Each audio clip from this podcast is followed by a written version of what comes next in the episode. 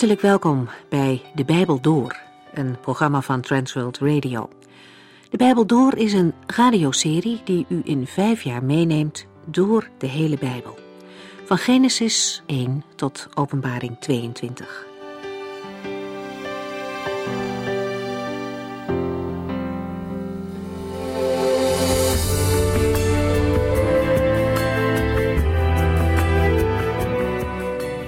Wat kan het makkelijk zijn om je meer of beter te voelen dan anderen? Vooral wanneer die andere mensen toch al niet goed bekend staan. In de tijd van de Bijbel gebeurde dat ook al. We zagen de vorige keer in de Bijbel door in Lucas 7 zo'n vrouw die een slechte naam had in de stad. Maar Jezus kijkt verder. En hij wijst zijn gastheer Simon erop om dat ook te doen. Ziet u deze vrouw? vraagt hij hem. Kijk eens wat verder dan de buitenkant. Hij liet zien hoeveel liefde deze vrouw te geven had.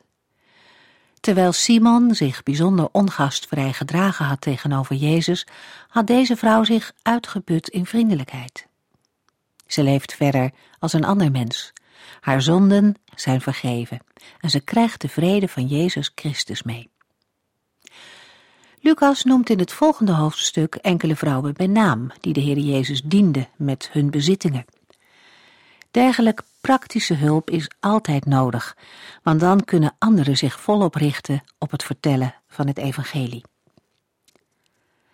Afwisselend vertelt Lucas dan over gelijkenissen van Jezus en over wonderlijke genezingen. Mensen die geen enkele hoop meer hadden, krijgen nieuwe hoop door hem.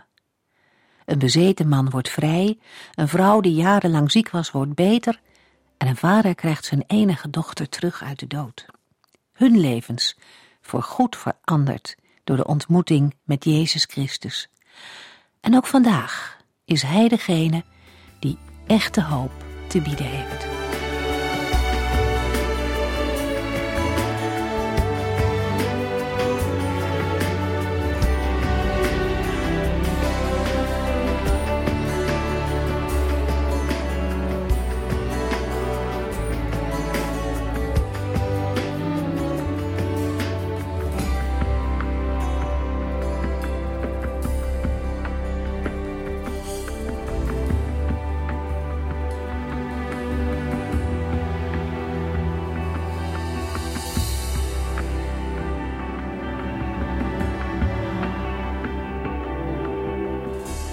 Met het eerste vers van Lucas 9 wordt een situatie ingeleid waarin de twaalf leerlingen weer voltallig aanwezig zijn.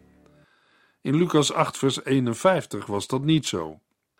De tijd is nu rijp dat ook de twaalf leerlingen worden ingeschakeld bij de verkondiging van het Koninkrijk van God. Lucas 9, vers 1. Op een dag riep Jezus de twaalf bij elkaar. Hij gaf hun macht en gezag om boze geesten uit te drijven en ziekten te genezen. Met de uitzending van de twaalf loopt Jezus vooruit op de uitzending van de zeventig in Lucas 10. Met de macht en het gezag over de boze geesten zullen de leerlingen in staat zijn om het werk van de boze te verbreken.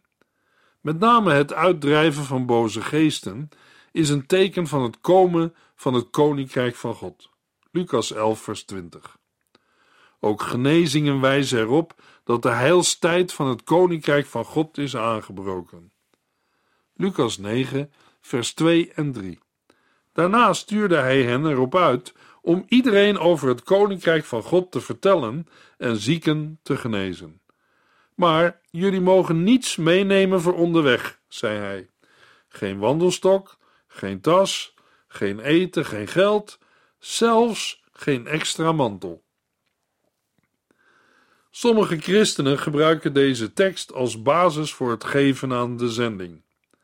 Zeker, ze bidden veel voor hun zendelingen, maar als je het zou meten aan de financiële bijdrage die ze leveren, dan lijkt het wel of ze bidden: Heere, zegen onze zendelingen, wij houden ze wel arm.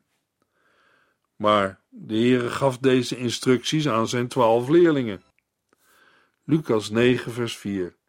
Word je in een huis uitgenodigd, blijf daar dan logeren tot je verder gaat naar de volgende plaats. Omdat de twaalf leerlingen zonder bijzondere voorbereidingen en zo sober mogelijk op weg moeten gaan, zijn ze voor voedsel en onderdak aangewezen op de hulp en gastvrijheid van anderen. Wanneer hun onderdak wordt aangeboden, dan mogen zij ook gerust hun intrek nemen. De leerlingen moeten genoegen nemen met hetgeen hun wordt aangeboden en hun tijd niet verdoen met het zoeken naar iets beters. Ze moeten zich volledig wijden aan de prediking van het evangelie. Lucas 9 vers 5 Als ze in een stad niets van je willen weten, moet je daar meteen weggaan. Schud het stof van je voeten af. Niet overal waar de leerlingen zullen komen, zal de evangelieprediking met instemming worden ontvangen. Lucas 9, vers 6 tot en met 9. De leerlingen gingen de dorpen langs, ze vertelden overal het goede nieuws en genazen de zieken. Gouverneur Herodes hoorde over de geweldige dingen die Jezus deed en hij wist niet wat hij ervan moest denken. Sommigen zeiden: Het is Johannes de Doper die weer levend is geworden. Anderen zeiden: Het is Elia, of in ieder geval een van de oude profeten die is teruggekomen uit de dood. Er deden allerlei geruchten de ronde. Zou het Johannes zijn? vroeg Herodes zich af. Maar die heb ik laten onthoofden. En toch hoor ik steeds verhalen over een man die wonderen doet. Wie zou dat toch zijn? En hij probeerde Jezus te zien te krijgen. Het bericht over de reactie van Herodes staat ingeklemd tussen de uitzending en de terugkeer van de twaalf leerlingen. Ook in het paleis van de viervorst Herodes Antipas kwamen berichten over de geweldige wonderen binnen. Herodes Antipas was heerser over Galilea, het gebied waar Jezus en zijn leerlingen het koninkrijk van God verkondigden en de wonderen gebeurden. Hij raakt verontrust en weet niet wat hij ervan moet denken. Is Johannes de Doper uit de doden opgestaan? Lucas 9, vers 10 en 11. Na verloop van tijd kwamen de twaalf apostelen bij Jezus terug. Zij vertelden wat ze allemaal hadden gedaan. Omdat Jezus met hen alleen wilde zijn, trokken ze zich terug en gingen op weg naar de stad Bethsaida. Maar de mensen begrepen wel waar hij naartoe ging en liepen achter hem aan. Jezus bleef vriendelijk en vertelde hun over het koninkrijk van God en genas degenen die ziek waren. Wanneer de leerlingen zijn teruggekeerd van hun zending in de dorpen van Galilea, brengen ze Jezus verslag uit van hun bevindingen. Jezus neemt hem nu voor een periode van rust en afzondering mee naar een eenzame plaats in de buurt van de stad Bethsaida. Bethsaida lag net buiten het machtsgebied van Herodes. Lucas 9, vers 12 en 13. Tegen de avond kwamen de twaalf bij hem staan en zeiden: U moet de mensen nu toch laten gaan. Dan kunnen zij nog eten kopen en onderdak vinden in de dorpen en boerderijen in de omtrek. Want in deze verlaten streek is niets te krijgen. Geven jullie hun te eten, antwoordde Jezus. Hoe dan? vroegen zij. We hebben hier maar vijf broden en twee vissen. Of moeten wij voor al deze mensen eten gaan kopen? Aan het einde van de dag, tegen het vallen van de avond, de tijd voor de Joodse hoofdmaaltijd, komen de twaalf leerlingen naar Jezus met het verzoek om de mensen weg te sturen, zodat ze nog tijdig onderdak en voedsel kunnen vinden. Lucas 9, vers 14 tot en met 17. Want er waren maar liefst vijfduizend mannen. Zeg tegen de mensen dat ze op de grond gaan zitten, zei hij, in groepen van vijftig. De leerlingen deden wat hij had gezegd.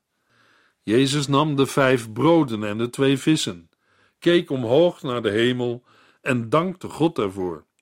Daarna brak hij er stukken af, gaf die aan zijn leerlingen en zij brachten ze naar de mensen.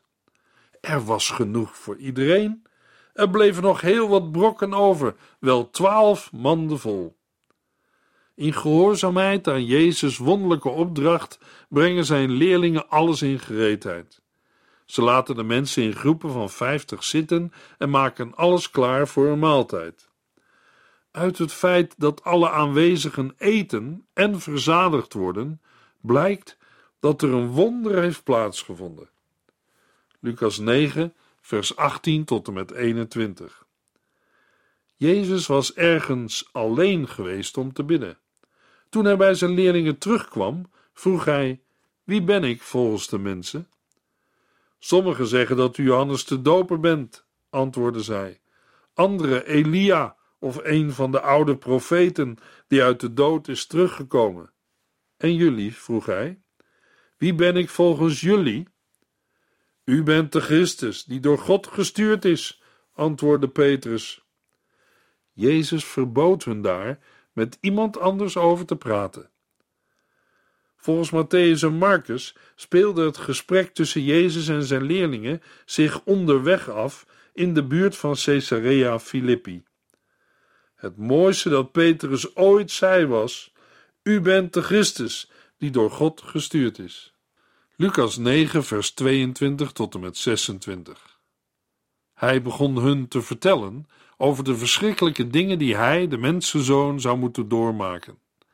Hij zei dat de verantwoordelijke oudsten, priesters en bijbelgeleerden hem zouden veroordelen, dat men hem zelfs zou doden en dat hij na drie dagen weer levend zou worden.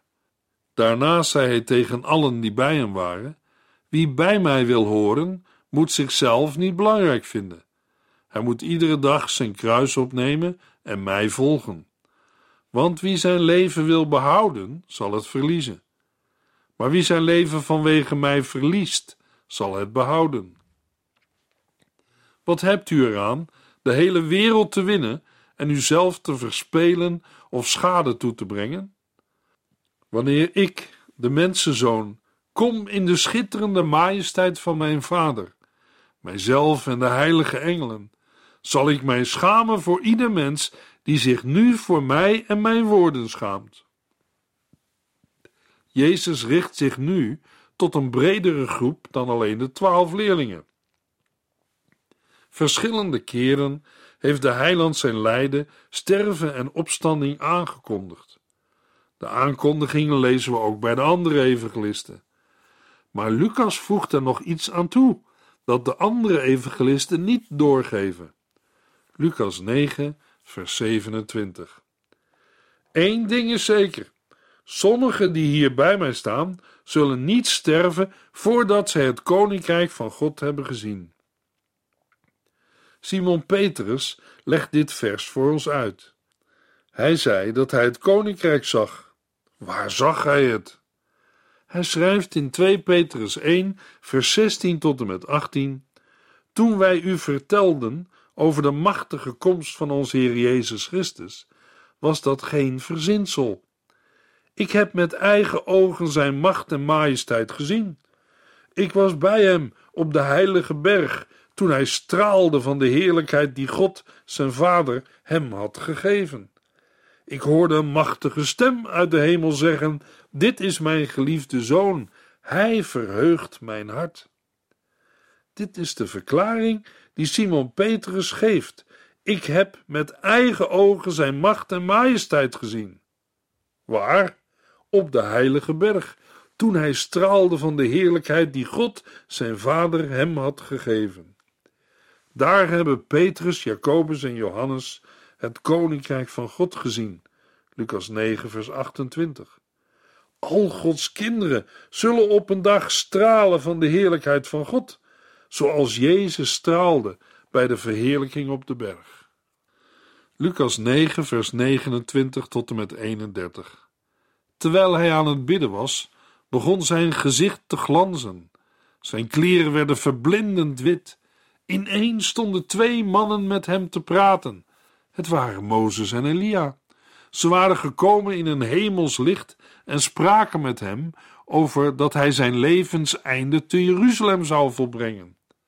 Dat juist Mozes en Elia verschijnen, heeft vermoedelijk te maken met de rol die hun was toebedacht in het eindtijdgebeuren. Hun verschijning, terugkeer, zou voorafgaan aan het aanbreken van de heilstijd, Malachi 4 en Openbaring 11. Juist aan het begin van de lijdenstijd weet Jezus zich gesterkt doordat de hemel achter hem staat. Lucas 9, vers 32 en 33. Petrus en de anderen, die in slaap waren gevallen, schrokken wakker. Ze zagen Jezus in het hemelse licht staan met de twee mannen bij zich. Toen Mozes en Elia op het punt stonden te vertrekken, zei Petrus tegen Jezus: Meester, het is maar goed dat wij hier zijn. Wij zullen drie tenten opzetten: één voor u, één voor Mozes en één voor Elia.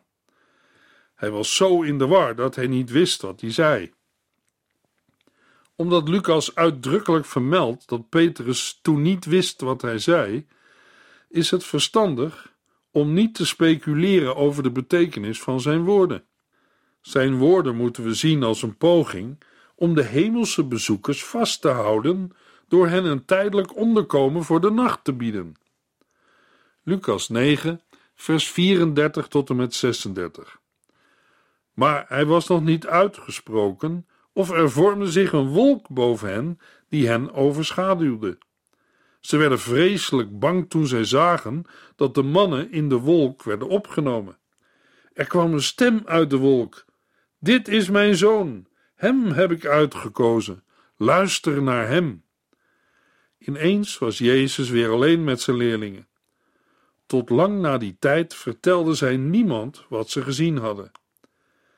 Net zoals de wolkkolom in de tijd neerdaalde op de tabernakel en een wolk de berg Sinaï bedekte als bewijs van Gods tegenwoordigheid, zo vormde er zich ook nu een wolk boven de aanwezigen die Gods aanwezigheid duidelijk maakte.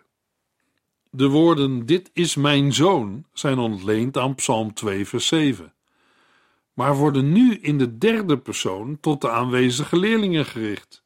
Zij ontvangen nu een bevestiging van God de Vader zelf over de persoon van de Heer Jezus.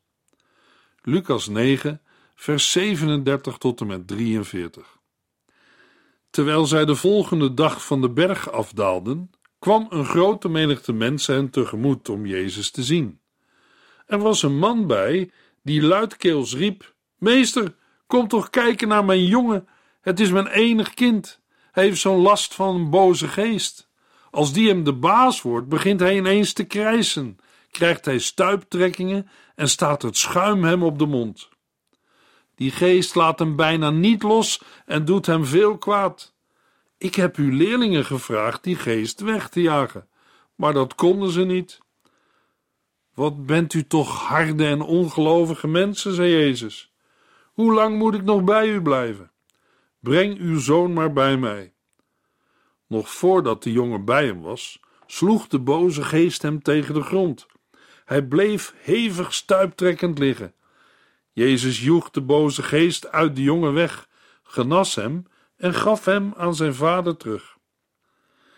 Bij het zien van de macht van God werden de mensen met ontzag vervuld. Nadat de drie discipelen tijdelijk een glimp hebben mogen opvangen van de hemelse heerlijkheid, keren zij samen met Jezus weer terug naar de harde werkelijkheid, waarin ze geconfronteerd worden met demonische machten en menselijk ongeloof. Een verschil van hemel en aarde. Jezus doelt met: Wat bent u toch harde en ongelovige mensen, niet alleen op de Vader, die de schuld van het falen op zijn leerlingen wil afschuiven, of op de leerlingen wie het aan geloof had ontbroken, maar op alle omstanders. En zo tekent Jezus in de meest scherpe bewoordingen het contrast tussen de hemel, waar hij vandaan komt, en de van God vervreemde wereld. De jongen wordt genezen en Jezus gaf de jongen aan zijn vader terug. Terwijl iedereen nog een en al verbazing was over alles wat hij deed, zei Jezus tegen zijn leerlingen: Onthoud dit goed. Binnenkort zal ik, de mensenzoon, verraden worden en in handen van de mensen vallen. Maar de leerlingen begrepen niet wat hij ermee bedoelde. Het was hun een raadsel. Toch durfden ze hem er niet naar te vragen. Lucas 9, vers 43 tot en met 45. Kort en krachtig brengt Jezus de discipelen de eerste lijdensaankondiging uit vers 22 in herinnering. Maar zij begrepen het niet. Dat blijkt ook uit wat er nu gebeurt. Lucas 9, vers 46. Zij begonnen zich af te vragen wie van hen de belangrijkste was. Ze dachten mogelijk aan een kroon, maar niet aan een kruis. Paulus schrijft aan de gemeente in Galatië: Laten wij niet hoog over onszelf opgeven, want daarmee lokken wij alleen maar rivaliteit en jaloezie uit. Galaten 5, vers 26. Lucas 9, vers 47 en 48. Jezus wist wel wat er in hen omging en liet een kind bij zich komen. Luister, zei hij, wie zo'n kind namens mij met open arm ontvangt, ontvangt mij. En wie mij ontvangt, ontvangt God die mij gestuurd heeft. Want wie het meest nederig is, is pas werkelijk groot. Zo komt het dienen van God en de naaste op de voorgrond te staan. De discipelen moeten niet onderling wedijveren om de belangrijkste plaats, maar ieder voor zich moet zich beijveren om de minste te zijn. De versen 49 en 50 zijn een overgang van het optreden van de Heer Jezus als de mensenzoon naar een gedeelte dat doorloopt tot Lucas 19, vers 27 en handelt over de groeiende tegenstand tegen de mensenzoon, Jezus Christus. In Lucas 9, vers 51 tot en met 56 lezen we over Samaritanen die Jezus de toegang tot hun dorp weigeren. Maar de mensen daar wilden niets te maken hebben met iemand die naar Jeruzalem ging. Lucas 9, vers 53. In de versen 57 tot en met 62 wordt Lucas 9 afgesloten met onderwijs over het volgen van de Heer Jezus. Het kost wat om Jezus te volgen. Lucas 9, vers 62. Jezus antwoordde: Wie gaat ploegen en steeds achterom kijkt, is niet geschikt voor het koninkrijk van God. De drie in de versen 57 tot en met 62 genoemde situaties hebben met elkaar gemeen dat in alle drie de gevallen wel een woord van Jezus wordt vermeld, maar de reactie van de betreffende persoon niet. Hebben zij gehoor gegeven aan de woorden van Jezus of zijn ze teruggeschrokken voor de consequenties van het volgen van Jezus? Door die vraag onbeantwoord te laten, creëert Lucas een open einde, waardoor alle nadruk komt te liggen op wat Jezus zegt en de lezers die vraag voor zichzelf moeten beantwoorden.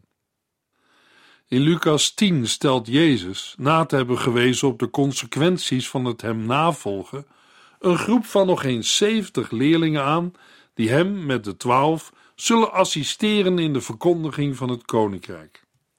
Ze zullen afreizen naar de steden en dorpen van Galilea om zijn komst voor te bereiden en de oogst van mensen binnen te halen. Lucas 10, vers 1 en 2. Jezus wees nog zeventig andere leerlingen aan. Hij stuurde hen twee aan twee vooruit door de dorpen en steden waar hij langs zou komen. Hij zei tegen hen: Vraag God meer arbeiders te sturen om de oogst binnen te halen, want er moet veel geoogst worden, maar er zijn te weinig arbeiders. Alleen Lucas vertelt van de zeventig andere leerlingen. De opdracht was voor een beperkte tijd en hun taak was tijdelijk omdat Jezus naar Jeruzalem reisde. De versen 3 tot en met 9 kunnen we samenvatten in Breng vrede in elk huis dat je binnengaat, vers 5, en zeg tegen de mensen dat het koninkrijk van God heel dichtbij is gekomen, vers 9. In de versen 10 tot en met 12 geeft de Heer instructies over hoe te handelen als de mensen de boodschap afwijzen. Versen die werkers aan het front in Gods koninkrijk mogen bemoedigen. Want werken in Gods koninkrijk is nooit te vergeefs. Het is of tot eeuwig heil voor hen die gehoor geven aan de boodschap, of tot een eeuwig oordeel. Het zal tegen mensen getuigen. De verkondiger staat profetisch in zijn bediening. Wie niet gelooft, is al veroordeeld omdat hij geen vertrouwen heeft gehad in de naam van Gods enige zoon. Johannes 3, vers 18. Het is waar, ik kan u het geloof in Christus niet geven, maar denk niet dat een mens vrijblijvend naar het evangelie van Jezus Christus kan luisteren. Lieve bovenste beste luisteraar, laat u met God verzoenen. En anders? Dat kunt u lezen in Lucas 10, vers 10 tot en met 16. In vers 16 zegt Jezus tegen zijn leerlingen: Wie naar jullie luistert, hoort mij. Wie jullie negeert, negeert mij. En wie mij negeert, negeert God, die mij heeft gestuurd. Als de leerlingen terugkomen van hun zendingstocht, doen ze verslag bij Jezus. Lucas 10, vers 17 tot en met 20. Jezus zegt: Waar jullie vooral blij om moeten zijn, is dat jullie namen in de hemel geregistreerd staan. Lucas 10, vers 21 tot en met 24 sluit af met de geweldige blijdschap die de Heilige Geest in Jezus teweegbracht. In het slot van vers 21 zegt Jezus: Dank u, Vader, zo hebt u het gewild. Lucas 10, vers 23 en 24. Daarna keek hij zijn leerlingen aan en zei: Het is een enorm voorrecht dat jullie dit allemaal mogen zien. Vele profeten en koningen hebben er naar verlangd te zien wat jullie zien en te horen wat jullie horen, maar zij konden het niet. Luisteraar, is het voor u een voorrecht om de blijde boodschap van Jezus Christus te horen? De stilte kan weldadig zijn.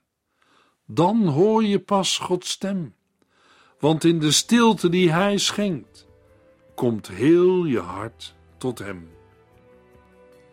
In de volgende uitzending gaan we verder met Lucas 10, vers 25 tot en met 42.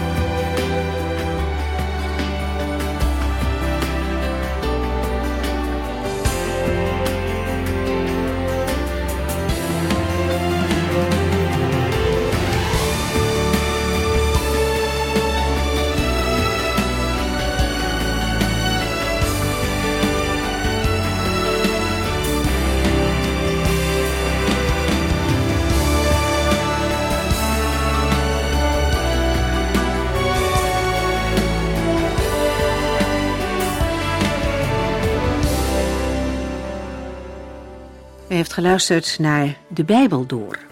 In het Nederlands vertaald en bewerkt door Transworld Radio. Een programma waarin we in vijf jaar tijd de hele Bijbel doorgaan. Als u wilt reageren op deze uitzending of u heeft vragen, dan kunt u contact met ons opnemen.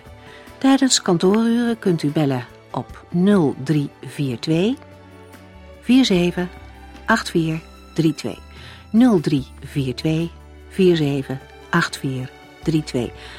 Ook kunt u een e-mail sturen naar de Bijbel door transworldradio.nl en natuurlijk kunt u ook via de post ons bereiken. TWR, postbus 371, postcode 3770, AJ in Barneveld. Dit programma werd gepresenteerd door Cor Weda en Ike André. Techniek was in handen van Odin van Woerdekom. En wij allemaal bedanken u voor het luisteren. Graag tot de volgende keer.